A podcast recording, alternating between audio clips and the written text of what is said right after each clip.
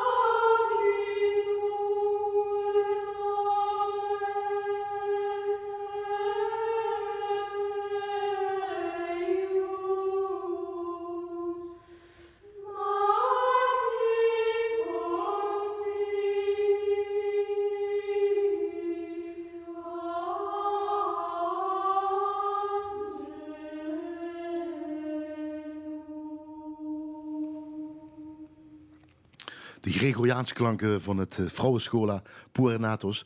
Uh, een anoniem werk, niet weten wat we geschreven hebben, maar het stond wel onder een nou, Gregoriaans kenner uh, met een Vrouwenschola. Ik denk in Verona dat hij dat ergens heeft opgenomen onder leiding van Alberto Turca, in grootheid. in, die, in dat Gregoriaans in ieder geval. Dat is de keuze geweest van de gast hier. Die organist is van de Sint-Servaas Basiliek in Maastricht en hoofdvakdocent orgel aan het conservatorium in Maastricht. Hij houdt zich bezig met aller soorten muziek. Van de vroege orgelmuziek tot aan het uitvoeren van premières in samenwerking, uh, in samenwerking met, met componisten. Ook is hij actief als improvisator. En dat gaan we ook horen in het eerste uur. Als KKOR-adviseur, dat is Katholieke Klokken- en Orgelraad, is hij betrokken bij restauratie- en nieuwbouwprojecten van orgels. Hij is vicevoorzitter van het CVON, het College van Orgeladviseurs. Adviseurs. En hij is veel gevraagd als solist, begeleider en docent. Geeft masterclasses op nationale en internationale podia nu even iets minder, denk ik. Eh, in Maastricht is hij actief als een van de artistieke adviseurs bij de stichting Pro Organo. Goedenavond en welkom. En fijn dat je weer hier bent. Sinds 2014 was je hier eh, te gast. Of ben je te gast geweest. En fijn dat je hier bent. Goedenavond, Marcel Verheggen. Goedenavond, Emiel. Dank voor de uitnodiging. Ja, mooi. Um, we gaan het ook een beetje, of vooral je geeft een klein college-uitleg of jouw interpretatie van het werk Quattro Quadri van Richard Rijnvos, wat we dit uur uh, na dit, uh, in Blaaskracht laten horen. Uh, wij gaan ook nog daarna, na dat uur, iets laten horen van Vox Luminous en Vocal Ensemble. Maar een beetje als kapstok, de vier delen Quattro Quadri, de vier schilderijen, zo heet het, gaan we laten horen. Zoals ik al zei, in 2014 was je ook hier en dan begon je ook met Gregoriaans. Ik zag de lijst nog even. Ja. En nou moest dat ook weer met Gregoriaans beginnen. Maar een vrouwenschola. Waarom? Er zijn een aantal redenen voor. Op de eerste plaats, Gregoriaans is eigenlijk de basis van de westerse muziek. In uh, heel veel composities, zeker tot aan de romantiek, vind je het Gregoriaans terug als bron van de compositie. En uh, ja, op de tweede plaats, het is bijna kerst. en okay. Puanatus is de introitus. Introitus, dat is het beginstuk ja, precies. van uh, de zondag, van de, van de dagmis van kerstmis. De zondagsmis. De zondagsmis. Dus van uh, kerstmis zelf, 25 december. En daarin wordt de komst van uh, Jezus bezongen. de geboorte van, van het Christuskind. En dat past natuurlijk ook in deze tijd van deze uitzending. Want de aanloop. We, we zijn bijna ja, bij die kersttijd. En je hebt nog reden. Ja, er zijn nog meer redenen. Uh, het is een vrouwenschola. En een vrouwenschola Precies. is uh, heel geschikt om Gregoriaans uit te voeren. De gedachte dat het alleen door mannen wordt uitgevoerd. Maar is... zo kennen we het niet, zal ik maar zeggen. Nee, maar... We horen altijd die mannen en dan denken we dat die lange peien dragen en dat zingen. Nee, maar dat is niet zo. Nee. Er zijn ook een heleboel uh, uh, vrouwen die dat zingen in, in, in de kloosters. Maar ook tegenwoordig door een heleboel gezelschappen. Het Gregoriaans is echt hot, zeg maar. Er Ja. zijn een heleboel mensen die het zingen. En nog een andere reden is de dirigent Alberto Turco. Die ik al aan. eh, Ja, ja, dat is een hele, hele grote vakman die tezamen met een heleboel andere mensen de restauratie van het Gregoriaans, die ingezet is eind eh, 1800, is dat begonnen. Tegen de, tegen de 20e eeuw aan is die restauratie begonnen. Maar die loopt nog altijd door. Men zoekt nog altijd door naar de, eh, de, de, de oorspronkelijke melodieën. En er is onlangs weer een nieuw boek verschenen. Het Graduale Novum, het nieuwe Graduale. Met gerestaureerde melodieën. Dus Gerestaureerde je altijd die juweeltjes wat je nog vindt. Ja, er zijn nog altijd eh, melodieën die nog een beetje onzeker zijn of er nou echt op die plek een do staat, of een re staat, Precies. of een si. En dat wordt langzaamaan steeds meer gecorrigeerd. En hij houdt dat levend, hij houdt dat onder die aandacht, die Alberto Turco. Eh, ja, dat heeft hij wel gedaan. Ik, ik weet niet of hij nog actief is. Ja. Maar eh, zijn levenswerk gaat wel nog door. Over, over restaureren gepraat. KKOR, katholieke klokken en orgelraad, daar zit je in. Dat Ja. heeft ook met restauratie en met bouw te maken van orgels. Ja, ja, ik, eh, Toch? Ik, ja, ik ben daar adviseur en ik eh, ben betrokken bij eh, projecten als, als een orgel gerestaureerd moet worden of als een orgel nieuw gebouwd moet worden, wat niet zo vaak voorkomt, maar het komt nog wel eens een enkele keer voor. Of een, eh, een kerkbestuur heeft een vraag over een orgel, dan kunnen ze bij mij terecht en ik probeer ze dan zo goed mogelijk te helpen. Ga je dat dan na dat orgel? Ga je dat bekijken Ja. met een zaklamp, met een eh, loop, met een eh, schroefje, met een dingetje? Hoe doe je dat? Ja, ik, ik ga het bekijken. Echt, eh, ja? Zeker. En ik ben altijd onder de indruk van het vakmanschap waarmee een orgel gebouwd is. Ehm, We hebben in Limburg natuurlijk een bekende...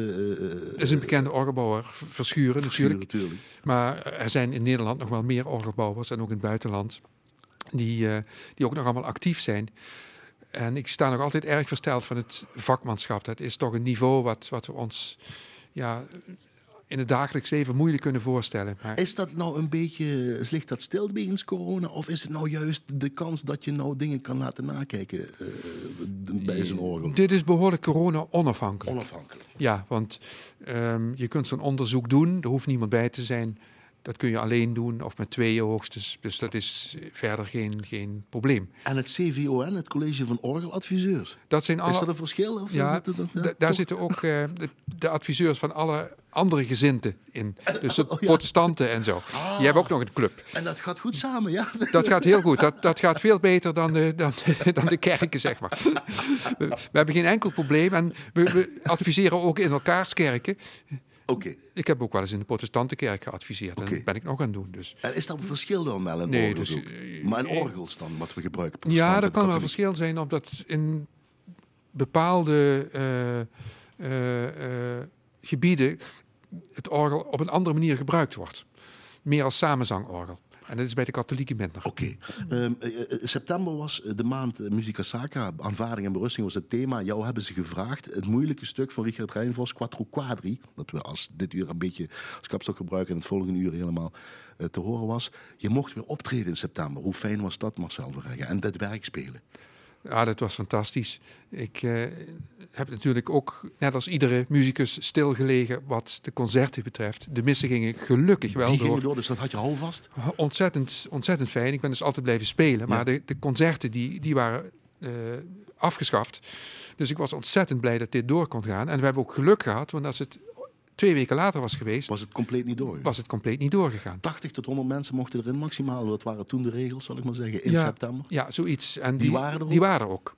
En daar, eh, daar ben ik erg blij om. Want het is eh, ja, eh, op papier natuurlijk niet, niet makkelijk. Een modern orgelwerk. Want dat is het. Zeker. En dan 45 of 50 minuten lang.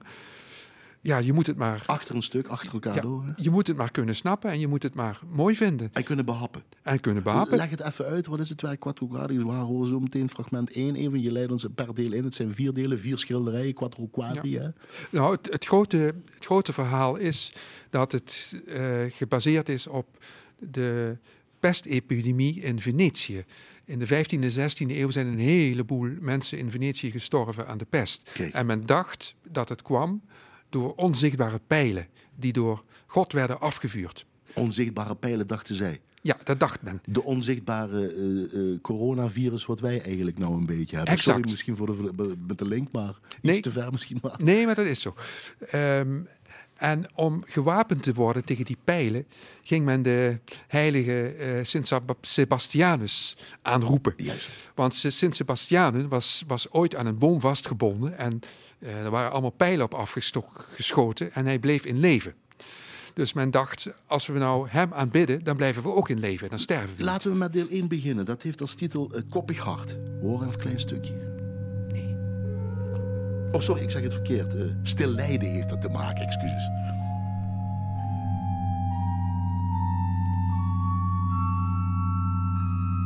Deel 1 dus, van Quattro Quadri Ja. van Richard Rijnvers. Stil lijden. Ja, je, eh, Ga maar door. je hoort lange klanken. Het is verstild. Daarboven een solomelodie. Als het ware een, een expressie, een uitdrukking van klacht, van lijden. Soms zit er een snel fragmentje in. Dat is een pijl. Fluister.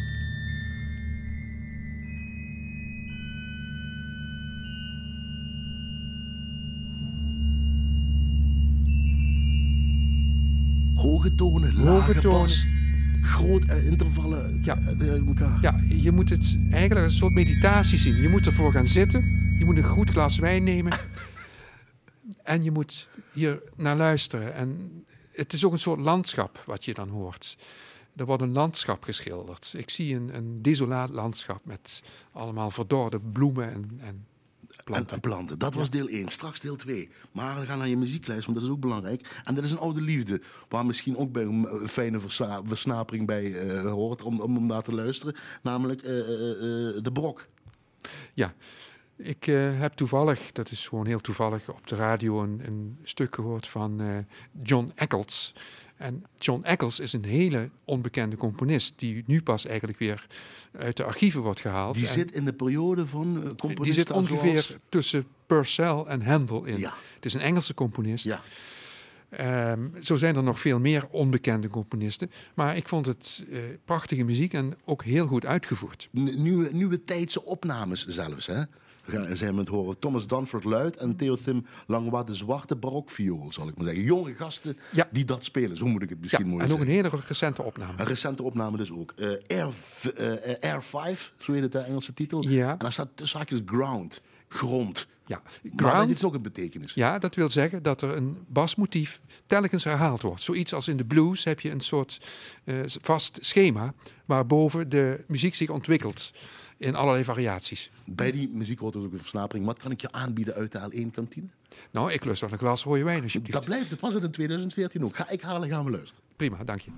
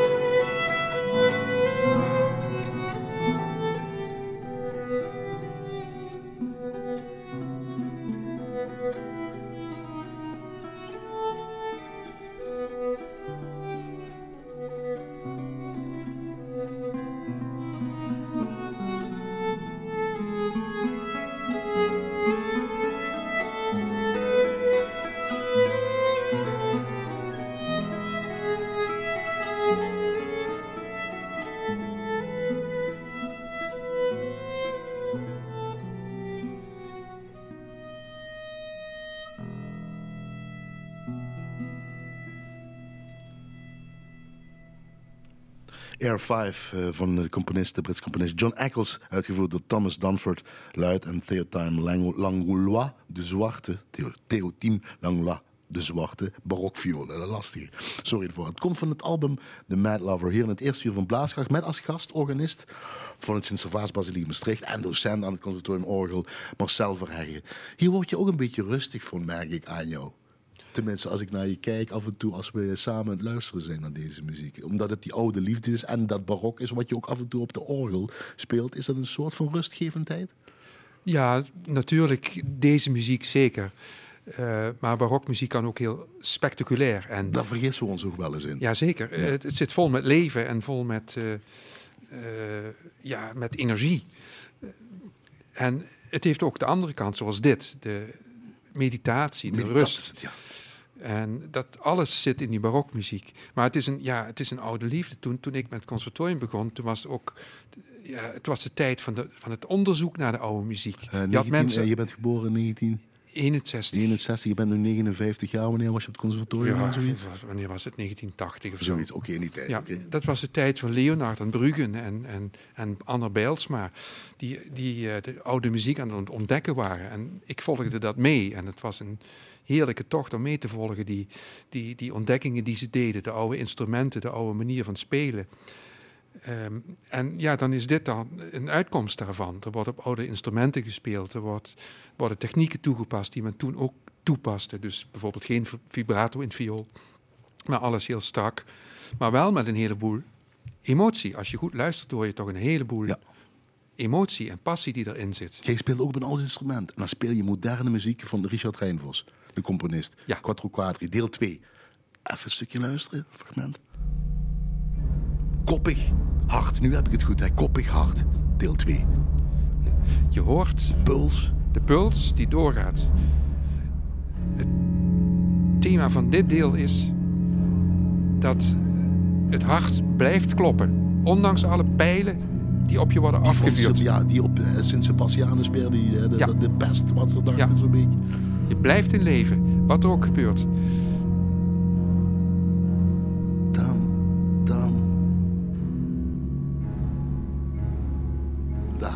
Ja. Ja. En het tempo is ongeveer eh, 69. En dat is ongeveer een hartslag. Dat is ongeveer een hartig, 69. Ja, tussen 60 en 70 is het de rust, maar de componist heeft voor 69 gekozen. Is het een lastig werk? Ja. Daar kan ik niet, niet anders dan ja op zeggen. Het is lastig, maar het is wel heel dankbaar Ja? om te doen. Is het Ehm, complex dus? het is, ja, het is echt complex. Qua akkoordiek, qua... eh, qua akkoordiek, qua ehm, thuis raken in het idioom. Het is een heel eigen idioom, maar wel heel goed. Eh, de componist kiest voor bepaalde structuur en voor bepaalde bouwstenen. En die bouwstenen, ja, daar moet je in thuis raken, maar die worden wel consequent toegepast in het hele stuk. En dat maakt het stuk ook zo sterk. Het the- thema was toen aanvaarding en berusting in september tijdens het Musica Ja. Sacra, toen er nog concerten mogelijk, wa- Ja. mogelijk waren. Eh, waarom paste dit? Omdat je dat overleggen moet met de eh, comité, zal ik maar zeggen. Die, die, die schrijven je ook tussen aanhalingstekens ooit voor. Waarom paste dit werk zo goed in dat thema aanvaarding en berusting? Vind jij, terugkijkend? Omdat uiteindelijk je moet aanvaarden wat, wat je overkomt. Toevallig valt dat nu met corona samen. Toen de pest in die tijd, zoals je omschreef. Maar toen was het de pest. En je kunt hopen dat je ervan gevrijwaard blijft, maar je hebt geen zekerheid. Ja. En als het dan wel gebeurt, dan zul je toch daarmee moeten zien te dealen. En dan zul je er toch op de een of andere manier, hoe lastig het ook is, eh, vrede mee moeten vinden. En moet je ermee kunnen omgaan. En dat is ja, aanvaarding en berusting. Ja, precies. En hoe lastig is dat te verklanken op dat moment op dat orgel? Nou, dat vond ik niet zo lastig. Eh, de muziek geeft dat namelijk aan. Deel 1, dat desolate landschap. Als je dat voelt en het, het, het jezelf voorstelt, dan kom je daar gemakkelijk bij, bij dat beeld van aanvaarding. Zo van, het is even niet fijn, dat deel 1. Het is even niet, niet leuk en gezellig. Deel 2. En deel 2, we blijven toch doorgaan, ondanks alle ellende. Het hart blijft toch kloppen. Kloppen. Is dit ook interessant voor jouw studenten? De jongere generatie die jou straks moet opvolgen of die de wereld overheen Ja, gaan zeker. op orgel. Als dat ik- zulke literatuur er is. Ja, zeker. Als ik lesgeef, dan eh, sta ik erop dat studenten ook dit soort muziek spelen. Het hoeft dan niet per se dit stuk te zijn, Nee, nee. maar in elk geval muziek van deze tijd. Want waarom sta je erop? Omdat we in deze tijd leven. Ehm, muziek van deze tijd is een spiegel van deze tijd. En ik vind dat we eh, als verantwoorde, verantwoordelijke mensen ook in deze tijd moeten staan. En niet alleen met één voet eh, in het verleden. We gaan toch naar 1893 nu, als het mag voor jou, Marcel. Jazeker. Want dit moet, en vind ik persoonlijk echt heel wonderschoon. Het stond de afgelopen week Echt op repeat. En eh, ik werd er zelfs een beetje emotioneel incontinent van, zeg ik dan altijd een beetje over mezelf. Sorry ervoor de woorden, maar het raakt je. Eh, het, we hebben over Gabriel Fauré, het Requiem Opus 48, het deel 7 zal ik maar zeggen. In Paradisum, waar het ensemble Edes uh, onder leiding van Mathieu Romano, de originele versie dus van 1893 van Gabriel Fauré. Leg uit waarom je dit per se erop moest zetten op de muzieklijst en wil laten horen.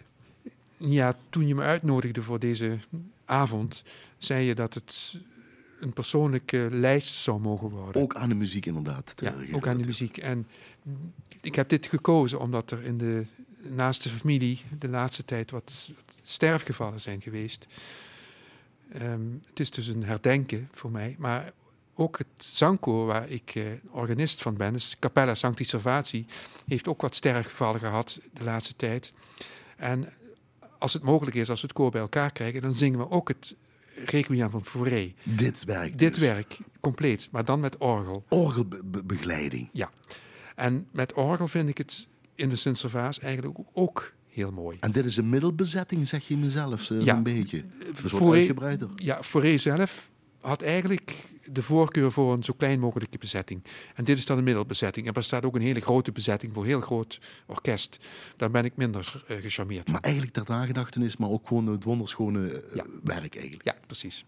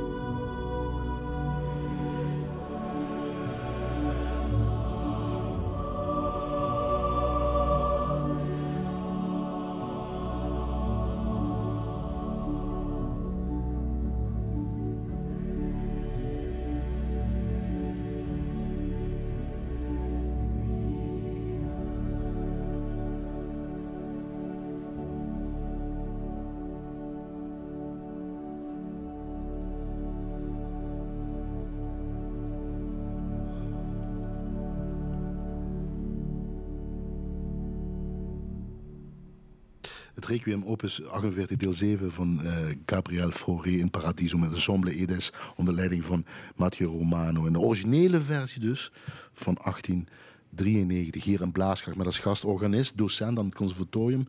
Is het in die volgorde Marcel Verheggen? Sorry, ik moet even Marcel Verheggen. Is het in die volgorde?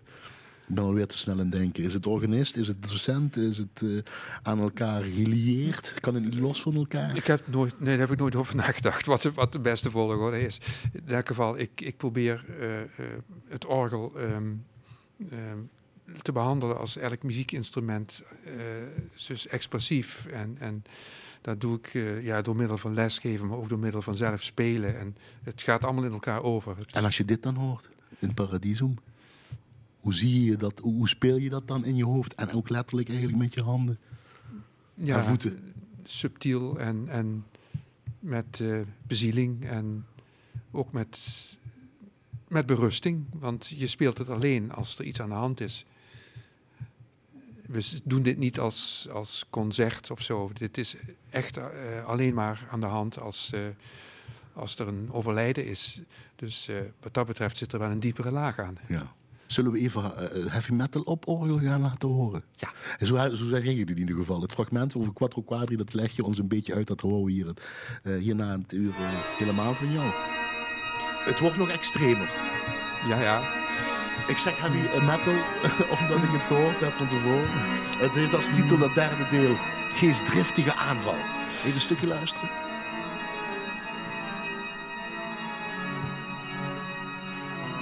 Die geestdriftige aanval moet nog komen, denk ik. Hè? Ja, het wordt nog erger. Daar, u hoort het pedaal. Maar er komt nog een stevigere climax hoor. De pest die je om de oren slaat. Ja, precies. En, en je blijft toch doorvechten. Hier ja. is echt het gevecht tussen jezelf en die pest. Of wat je ook overkomt. Ja, en die tijd van Sint Sebastianus. Ja. Tegenwoordig kan het corona zijn of iets anders, maar... Daar komt hij.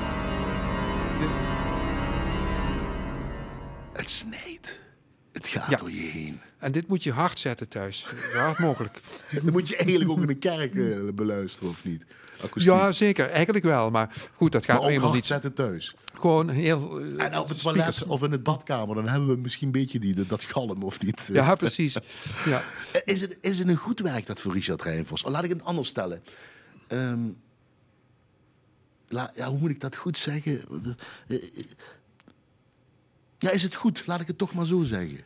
Klopt ja. het? Ja, zeker. Ik ik heb dat uh, toen net al een beetje uh, verteld. Het is compositorisch ontzettend goed uh, gemaakt. Ik zei toen straks iets van dat er bepaalde motieven, elementen zijn Mhm. die als bouwsteen fungeren. Ja. En het consequent hanteren van die bouwstenen maakt het een heel stevig en logisch bouwwerk. En die bouwstenen komen allemaal terug in alle delen. Je zou het niet zeggen, maar Ja. het is allemaal gebaseerd op dezelfde bouwstenen. Heb je het ook wel eens vervloekt? Tijdens het instuderen? Het? Altijd. Wat heb je eraan vervloekt? Of altijd in het algemeen misschien? Nou, dat het, zeker dit deel 3 is, is, ja, is gewoon wa- waanzinnig lastig. Ja, ik zeg even kort door de bocht, advocaat van de duivel. Het is, het is niet lawaai maken. Zo eenvoudig. Hè? Je hebt ook mensen nodig die jou de registers helpen uiten en in Ja, te duwen. Twee mensen die ernaast staan. Ja. Als je dit live uitvoert. Hè? Dat, dat, kan niet je anders. niet alleen. Hè? Nee, dat kan niet anders. Ehm, ik heb er echt twee mensen bij nodig. Dat waren twee eh, leerlingen. En die hebben dat uitstekend gedaan. Want het is ontzettend lastig. Wat is daar lastig dan? Omdat je heel gefocust moet zijn op de muziek, op de partituur. Je mag niet te veel luisteren, want dan dwaal je af van de partituur. Ik ben dus een slechte registrant, want ik ga meteen lekker genieten. En dan ben ik de partituur kwijt en dan weet ik niet meer. Dat moet dus niet. Nee, je moet gewoon sec de partituur volgen. Die twee mensen moeten Ja. dat ook meelezen natuurlijk. meelezen en op een bepaald moment staat in die partituur... dan moet je die en die handeling verrichten. Dus die knop moet erbij en die knop moet eraf. En daarom moet je die partituur goed, goed volgen. Anders weet, Ja, anders weet je niet meer wat het is. dus vooruitkijken voor jou. Als bespeler. Ja, maar goed, zo'n stuk je zo goed. Dat, ik hoef dat eigenlijk niet meer eh, elke maat vooruit te kijken. Maar technisch een uitdaging sowieso. Om het in te studeren en om al die noten erin te krijgen, was dit wel een klus, ja. Uh, it's now something completely different. Ik kon hier niet een, een, een- bruggetje van bedenken, omdat het echt totaal iets anders is. Omdat we het over Huey Blake gaan hebben. Ja, nou, ik, ik kan het wel even Eh, en uitleggen. dat is, ja, dat leg je even uit. Ik kan het even uitleggen. Ik had het toen straks over het in Paradisum en de sterfgevallen.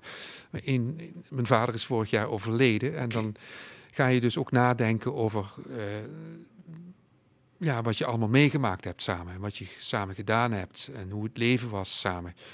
En ik moest denken aan een eh, vakantie in Zuid-Frankrijk. Ergens in de vroege jaren zeventig. En in Nice was een jazzfestival. Dat is, er- is er nog trouwens. En op dat jazzfestival hebben we verschillende eh, ensembles gehoord, maar ook een solopianist. En dat was Hubie Blake, Live. live. En dat is me altijd bijgebleven. Ik vond het fantastisch Hij wat die is een man deed. grootheid. eh, Betekent die, ik heb het ook moeten even, het is maar niet 1, 2, 3, sorry daarvoor. In 1887 geboren staat op zijn geboorteakte. Of 1883, daar zijn ze nog niet over uit geweest. Eh, Of daar waren ze zelf nog al een beetje over bezig, zal ik maar zeggen. Hij is, oud geworden, Ja, ook die man. hij, hij zegt zelf dat hij uit 1883 komt. Maar hij, ja, zegt hij zelf. En de andere, maar hij is wel betekenis geweest voor de ragtime, voor de jazz, voor de, de Ja, zeker. jazzgeschiedenis eigenlijk. Ja, zeker. Zijn ouders waren tot slaaf gemaakte mensen. Eh, en hij staat dus eigenlijk helemaal aan het begin van de ontwikkeling van, van de jazz. En dat maakt het ook zo boeiend om, om zo'n man live te, te mogen horen. En om hem ook nu te laten horen. En de Charleston Rack, daar is ook een beetje oneenigheid dat werk, wat later ook in een eh, eh, eh, musical door zwarte, door de, de gekleurde gespeeld werd. Of hij dat wel gecomponeerd had of niet, omdat dat hij claimde het op 12 of 15-jarige leeftijd te, te, te gecomponeerd hebben en opgeschreven. Daar is ook weer oneenigheid. Maar dat het een belangrijk iemand is en fantastisch piano kon spelen, dat, dat, spelen, dat staat buiten kijf. Ja, dat staat buiten kijf. Het mooie is wat we nou ook gaan horen, hij kondigt dit zelf aan. Op die manier. Dus hij kondigt een liedje aan en dan begint hij te spelen. I wrote this, ladies and gentlemen, in uh, 1899. See, I composed it. I always say I wrote. it. I could not write music then. I didn't start to write music until I was 15 years old. And I'll play the Charleston Rag. Now, the bass you hear, these people call it boogie. We called it the walking bass. See? Now I'll play the Charleston Rag. Thank you.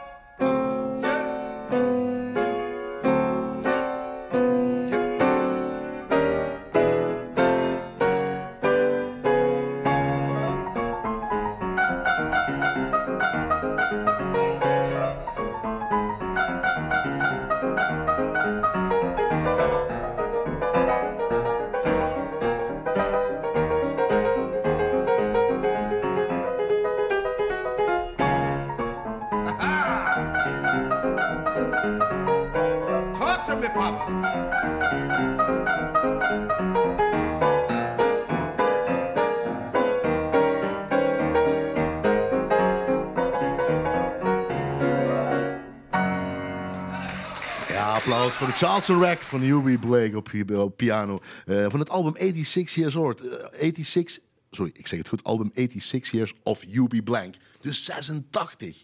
Ja, Hoe in die tijd live ergens. dat is onvoorstelbaar. Het is een live opname. Uit, eh, eh, hij was 86 jaar. Als je En jij hebt dit toen met je eh, vader, die vorig jaar overleden is, in Niesta live mogen aanschouwen. Ja, hij heeft een, volgens mij een uur gespeeld of anderhalf uur. En het was fantastisch. Hij heeft er plezier in, zeg jij ook. Ja, het heeft- roepen, naar God roepen, het eh praat tegen mij. Hij is volkomen zichzelf. En dat, ja, eigenlijk is dat een, een- het hoogste stadium wat je kunt bereiken. Dat, dat je zelf de muziek bent. Je bent zo één met de muziek dat je helemaal op je gemak bent. En dat je, dat je ja, geen enkele laag meer ertussen hebt. Jij bent de muziek. En dat is daar een uitstekend voorbeeld van. Is dat bij elk stuk, zoals ook Quattro Quadri, wat we na dit uur helemaal horen, drie kwartier, nou deel vier, het laatste deel, ehm eh, van Richard Rijnvers, de componist. Gedenk te sterven, zo heet dat deel. Wat je moet hebben met een stuk als je dat speelt. We gaan een stukje luisteren. En neem de vraag mee. Ja, je moet er ook helemaal induiken. Je moet ook zo ver als mogelijk gaan in het eigen maken van het stuk. En ook dit is weer een verstild landschap. Je hoort het vogeltje. Daar is het. Dit lijkt eenvoudig, maar de akkoordiek wat hierin zit, wat hier gebruikt wordt. Ja, dat valt nog wel mee om te spelen, maar alles bij elkaar. Het oproepen van die sfeer en het, het timen. Zeker in die moeilijke servaasbasiliek met zijn moeilijke akoestiek. De grootste Ja, akoestiek. dat is, dat is heel, heel lastig om dat goed te krijgen. En hoe krijg je dat dan goed? Intuïtie, smaak, ervaring. Dat is wel handig, omdat jij daar vaak speelt. Daar, Ja. oefen, daar, daar repeteer jij ook, daar oefen jij ook. Ja. Daar heb je de mogelijkheden om dat te oefenen. Ja. Dus dat is fijn, dat neem je mee. En je werkt ook met componisten wel eens samen. Ja, als precies. je eh, een stuk is. Eh, Richard Rijnvos, eh, die kon helaas niet, want die zat door corona eh, in Spanje. Dan mocht hij, eh, moest hij blijven zitten en anders moest hij weer in quarantaine en noem maar allemaal op. ja. Maar je hebt wel de opnames van Annette en van jou eh, doorgestuurd naar hem. Ja, hij vond het eh, heel erg goed. Hij vond het fantastisch. Dus onze alleen opnames, zal Ja, ik maar zeggen. ja, En je hebt hem gesproken. Ja, ik, ik heb hem zeker gesproken en hij vond het fantastisch. Hij vond het geweldig. Hij was er heel erg blij mee. En eh, het was natuurlijk een totaal andere uitvoering dan de eerste uitvoering in de Utrecht, in de Domkerk. Dat was de allereerste papieren. Wij hier hebben het opgenomen, ja, ja, Annette, Jo Ja. en Bert van Dijk. Zo, eh, eh, en alleen, eh, toen tijdens Musica Sacra in september. Ja. Ik kan me niet herinneren dat er nog een tussentijdse uitvoering is geweest Ik van heb het het hele werk. inderdaad. Ja. Dus eh, misschien is dit wel pas de tweede uitvoering. Ik weet het niet zeker. Maar hij vond er dus niks aan, blijkbaar uit de, van de uitvoering. Nee, nee, sorry, sorry, sorry. Hij vond het dus goed, neem ik aan. Hoop ik toch of niet. Hij, hij vond het super. Hij vond het geweldig. En ehm, hij snapt ook dat, dat het een ander orgel is dan het Domkerkorgel in Utrecht. En dat had Maar- hij misschien in zijn hoofd als componist? Nee, helemaal niet. Hij, hij is zo, zo flexibel dat hij, dat hij begrijpt dat dit eh, andere kleuren heeft. En hij was helemaal weg van de kleuren. Maar wat En- heeft hij jou meegegeven dan? Van tevoren of niet? Of pas Nou, echt daarna hebben- naar de opname? Ja, we hebben een enkel detail besproken voor de opname. Dat, dat waren wat, wat vraagjes of ik, eh, of ik hier en daar een, een, een octaafligging mocht wijzigen. Omdat het anders met het orgel niet uitkwam. En nadien hebben we nog over een aantal details gesproken. En hij was het ontzettend eh, te spreken over. Vooral over het servaasorgel. Dus net niet eh, eh, negatief, maar net heel positief over het servaasorgel. Want dat zijn klanken die, ja, warme klanken in, in zowel de luide als de zachte passages. Blijft het orgel warm en wordt het nooit vreselijk agressief. Maar het blijft altijd iets van poëzie houden. Klinkt het als een orkest, als een symfonieorkest? Moet ik het zo zeggen? Of ben Ja, precies. Dat, met een orgel kun je zoveel doen. Je kunt ehm, zoveel kleuren maken. dat het ja, eigenlijk onvoorstelbaar is wat, wat allemaal mogelijk is. En Richard Rijnvos vond het dus goed geslaagd. Eh, meer Ja. dan plus, zal ik maar Zeker, zeggen. zeker. Hij vond eh, de instrumentatie, zeg maar, dus de keuzes van registers die ik gemaakt heb, want dat kan hij niet voorschrijven. Elk orgel is anders. Oké, Daar was hij eh, bijzonder te spreken over. Die kan je in je zak steken, Marcel, in ieder geval. Ja, ja, oké. zeker. Dat kun je misschien ooit nog eens ergens gaan spelen, dat werk, neem ik aan. Ja, ik hoop dat de coronatijd eh, binnenkort is afgelopen. En eh, ja, dan gaan we weer aan de slag. Want nu ligt het inderdaad eh, stil, het concertseizoen. Uh, UB Blake horen we net. hè? De, de, de ragtime, de Hmm. jazz, de Charleston, noem maar op. rag spelen.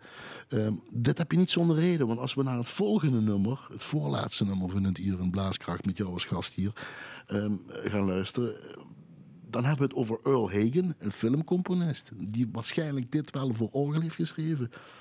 Maar dat ook met improvisatie heeft bedacht eigenlijk. En dat doe jij ook vaak. Dus wij denken daar weer te ouderwets over dat dat niet zou kunnen op zo'n groot ding als een kerkorgel.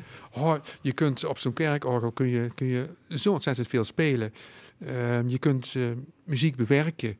Ik heb de Dvorak gespeeld, de negende symfonie. Bijvoorbeeld. Bijvoorbeeld. En dat, ja, ik vind het heerlijk Dan om te doen. dan, en dat, dan kun je dat orkest, niet- ik wil niet na zeggen nabootsen, maar op je eigen manier neerzetten. Jazeker. Eh, dus ik denk dat het goed gezegd is zo. Je zet het op je eigen manier neer. Je moet natuurlijk eh, dingen veranderen.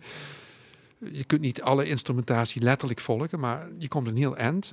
Maar vooral het, het- het, eh, de energie die je mag geven in zo'n stuk. Het is een heel energetisch stuk.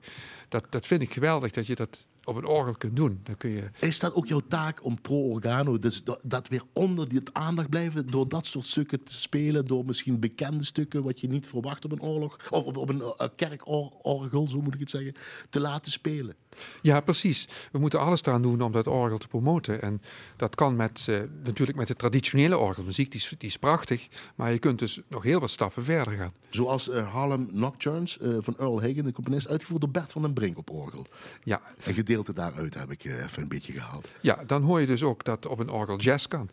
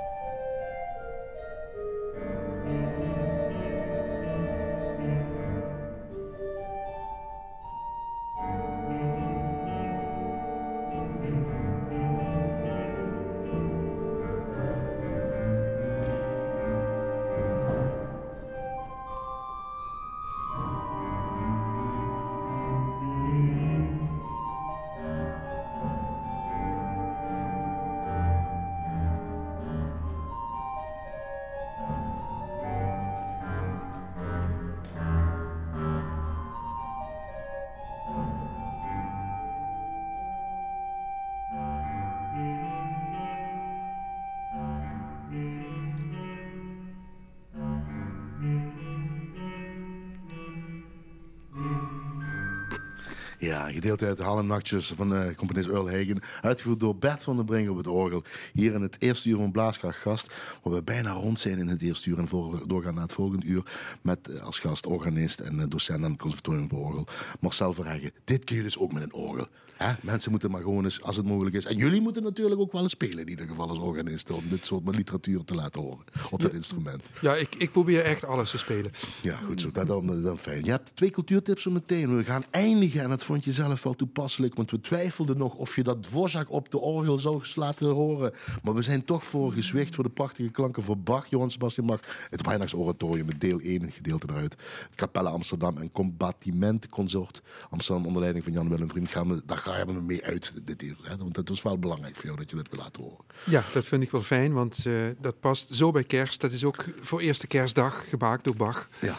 En uh, we zijn begonnen met een stuk voor eerste kerstdag. Dus dat, dat is, moeten we ook uh, eindigen zo. Nemen cirkel. een aanloop naar de kerstdagen toe. Twee cultuurtips. Eigenlijk uh, heeft het te maken met wat je online kan bezien in ieder geval. dubbel opera, allebei eenachters. La Voix Humaine en L'Heure Espagnol van Opera Zuid. Dat ja. vind je belangrijk. Ja, nou, ik heb me gewoon afgevraagd wat zou ik zelf graag willen zien. Want jij kan niks. Je hebt die missen wel, maar er zijn geen concerten. Jij kan ook maar pas in de zomer misschien hoop je weer ja, iets te kunnen Ja, doen. zeker, zeker. Reizen wat je normaal doet, andere orgels ook ontdekken. Niet. Ook niet. Ook niet. Dus dan gaan we maar rustig kijken. En dan gaan we maar online. En ja, Ja. dit komt uh, online. Dit, dit zul je online kunnen zien. Dan moet je naar de website. Ja, www.operazuid.nl. Uh, het komt uit Maastricht. Het is kwalitatief goed gedaan, zeg je. Want je hebt al kleine stukjes gedaan. Uh, december, hè, ergens hebben we Ja. Dan over. Hè? Ja. La Voix Humaine en uh, L'Heure Espagnol. Ga dat onderzoeken. Precies. Ja. En dan hebben we de Tranen van Petrus, een productie van het Nederlands Kamerkoor. Vanaf begin januari 21, hè, als we dit jaar voorbij zijn. Een videoregistratie is online te zien uh, op www.nederlands Kamerkoor. En elke zanger is afzonderlijk, want dat was toen opgenomen. We zitten in corona, maar dat hebben ze zo opgenomen. Elke zanger zit in een eigen zuil, hè, Ja, precies. Want toen was er ook nog een periode dat je zelfs op zes of tien meter afstand moest zingen. Dus men heeft het op die manier opgelost en men heeft er een item van gemaakt. Vanaf begin januari check uh, de website www.nederlandskamerkoor dus. En check dan www.operazuid voor die um, ja, online uh, mooie concerten in ieder geval. Die je dan op je gemak met een glas rode wijn, zoals je al uh, kunt nou, bekijken en beluisteren. Toch? Ja, precies. En de cirkel is ook weer rond, want dat thema van Petrus heeft ook weer te maken met aanvaarding en berusting. Aanvaarding en berusting, inderdaad. Uh, voordat we eindigen met uh, uh, Johann Sebastian Bach, het Weihnachtsoratorium. Waarom is muziek voor jou in deze tijd van crisis waar we in zitten belangrijk? Toch nog belangrijk om te doen en te horen en te spelen? Ik heb daar even over moeten nadenken. het is namelijk heel veel. En om dat in één zin samen te vatten is lastig. ook. Maar ik denk, muziek brengt dingen in beweging die je op geen enkele andere manier in beweging kunt brengen. En dan denk ik aan emoties, aan gevoelens, aan gedachten, aan een sfeer, aan een toestand. Alleen muziek is in staat om op zijn of haar manier dat um, kleur te geven. Dat is waar woorden ophouden. Daar begint de muziek. En dat is wel een bekende uitspraak van Tuurlijk. Aantal dichters. Ja. Maar dat, dat, is, dat is wel zo. En daar zit ook de kracht in van die muziek. Dankjewel dat je jouw klanken van de orgel en jouw muzieklijst en jouw herinneringen en jouw uh, ja, uitleg over dat Quattro Quadri uh, college hier hebt willen doen. In ieder geval, Marcel, hartstikke bedankt dat je hier was. Graag gedaan. Uh, blijf dus luisteren, want van collega, collega's Frank Ruber en, en uh, Joost Meets moet ik altijd vermelden wat het volgende uur te horen is. En als zij dat zeggen, dat doe ik dus. Dus dat uitleg wat je ons gegeven hebt over dat uur, uh, over Quattro Quadri hierna. En dan ook nog Vox Luminis, het vocaal ensemble te horen. Dus blijf luisteren. Anders check even l1.nl schuine streep blaaskracht. Uh, nogmaals, Marcel, dankjewel. Uh, hou vol, zal ik maar zeggen. En blijf spelen. En wij moeten vaker naar een orgel gaan luisteren in de kerk, toch of niet? Precies. Goed zo. Uh, dankjewel Annette voor de techniek, tof gedaan. En u natuurlijk de, aan de andere kant van de, de radio. Um, een fijne avond, want dat heeft u verdiend. En maak er een nog betere week van. Let op elkaar. Hou afstand. En maak er wat van. De klanken van het Weihnachtsoratorium. Daagjes.